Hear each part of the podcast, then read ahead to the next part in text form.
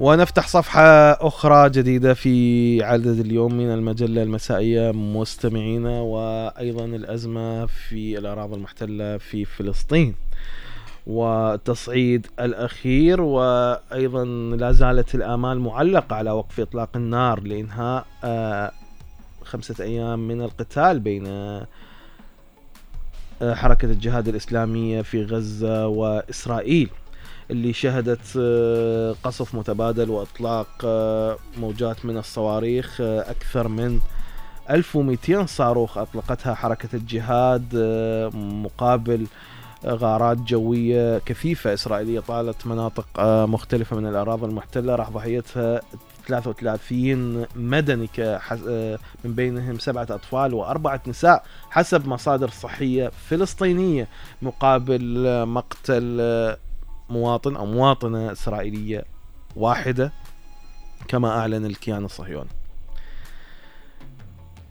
وهذه الأزمة أيضا هذه أزمة آه، من أزمات منطقة الشرق الأوسط وكيف ممكن أن تحل التهدئة وإعلان وقف إطلاق النار إلى الآن رسميا آه، لم ينفذ على الأرض في إسرائيل اليوم في هذه الأزمة وفي هذا التصعيد الأخير لكن هذا التصعيد الأخير وعدد القتل بين صفوف الفلسطينيين المدنيين الأبرياء وأيضا تداعيات كثيرة اللي تحصل في آه، فلسطين وأيضا دور دول المنطقة آه، بهذه الأزمة ودول العربية.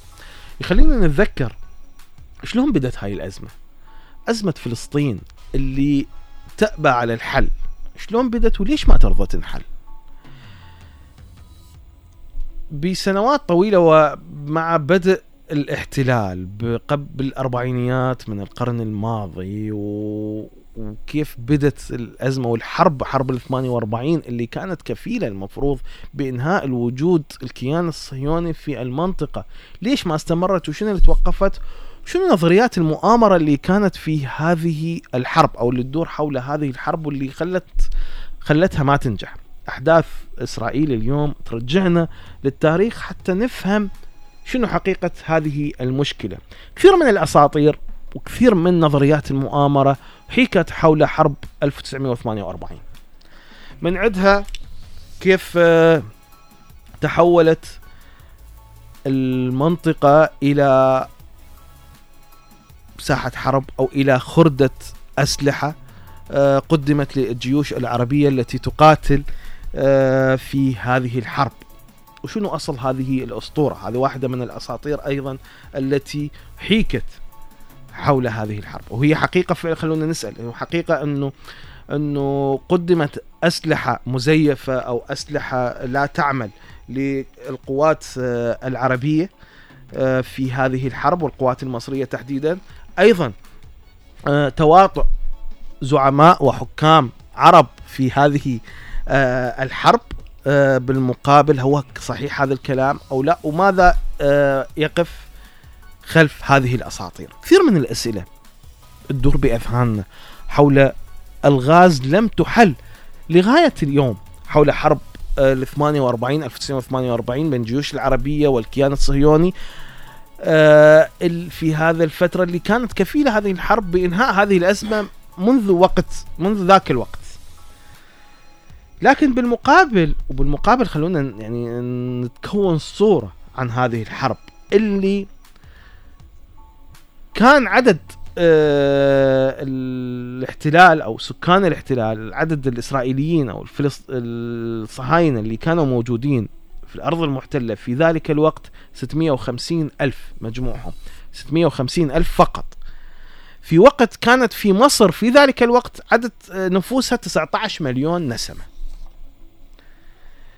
بالمقابل آه، حشد الكيان الصهيوني أو اللي كون مجموعة ميليشيات مقاتلة في ذلك الوقت بلغ عددهم 29 ألف رجل يقاتلون آه، وفق تنظيم عالي على اعتبار أنه جزء كبير من هؤلاء كانوا من مقاتلين شاركوا بالحرب العالمية الثانية اللي كانت انتهت للتو.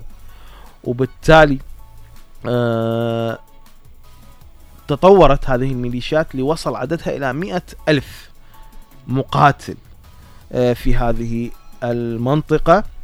آه،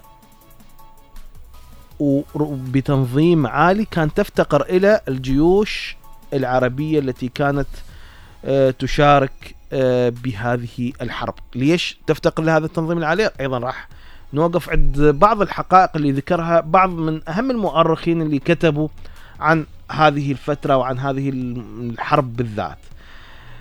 في وقتها أيضا استطاعت استطاع الإسرائيليين جمع تبرعات وصلت إلى 500 مليون دولار في ذلك الوقت.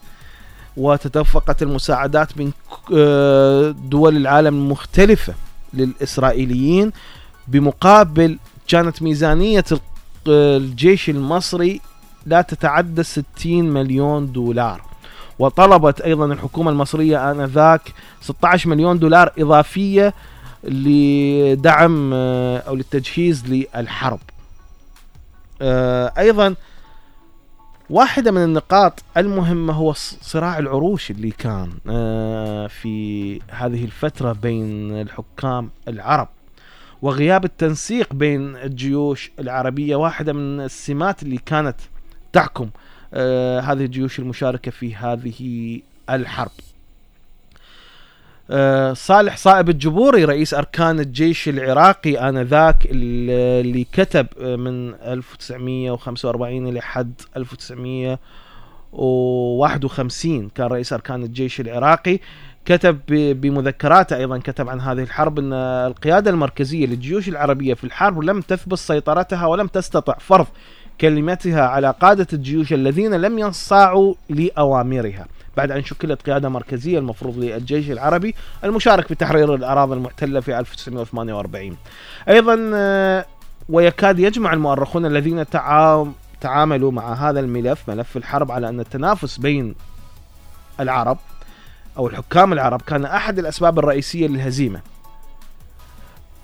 وواحد من المؤرخين البارزين اللي كتب عن هذا الموضوع عافي شاليم مؤرخ إسرائيلي بريطاني وهو أستاذ العلاقات الدولية بجامعة أكسفورد يقول آه، فأن القوى العربية التي واجهتها إسرائيل عام 1948 كانت من أكثر الجيوش فوضوية وانقساما وأقلها تنظيما اللي واجهتها إسرائيل في عام 1948 آه، حيث لكل بلد هدف مختلف عن الهدف المعلن وهو تحرير فلسطين. أيضا بالمقابل يرى آه، أرثر جولد سميث آه، وهو أستاذ فخري في تاريخ الشرق الأوسط بجامعة بنسلفانيا الأمريكية أن المنافسات بين العروش العربية غيرت مسار الحرب. فقبل آه، فقبل الحرب احتدت المنافسة بين الملك عبد الله في الأردن مدعوما من العراق والملك فاروق في مصر مدعوما من المملكة العربية السعودية. إذ كان يسعى الملك فاروق لقيادة العالم العربي آنذاك. آه وبالتالي أيضا آه هذه واحدة هاي من المشاكل اللي كانت آه تنطينا انطباع عن شكل التنافس والتصعيد في الأزمة آه الفلسطينية وأيضا تداعيات هذه المشكلة وأيضا آه تطورها إلى الآن فمنذ أن كان عدد. آه، قوات أو عدد نفوس ما موجودين من صهاينة في هذه المنطقة 650 ألف في عام 1948 وعدد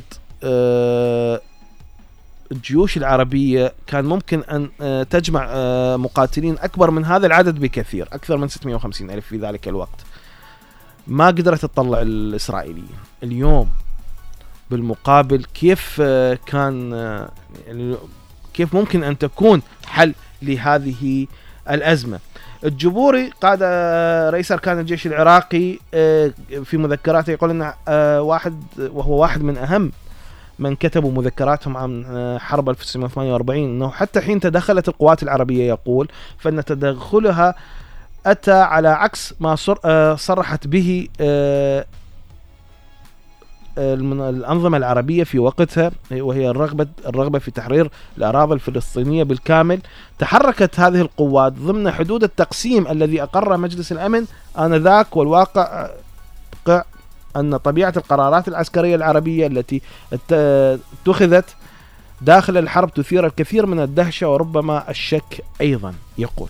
وبالتالي كانت الأوامر القيادات السياسية هي التحرك ضمن قرار مجلس الأمن اللي قسم الأراضي الفلسطينية وليس تحرير الأراضي الفلسطينية بالكامل كما كان يعلن وكما يصدع يصدعون بروسنا كتب التاريخ والمؤرخين بين قوسين القوميين اللي كتبت كثير من المقالات وكثير من يعني الطروحات والتاريخ اللي يعيد كتابته من قبل الدكتاتوريين الدكتاتوريات العربية اللي كانت تتحدث عن حرب 48 والمؤامرة والأسلحة الفاسدة وغير من هذا الموضوع.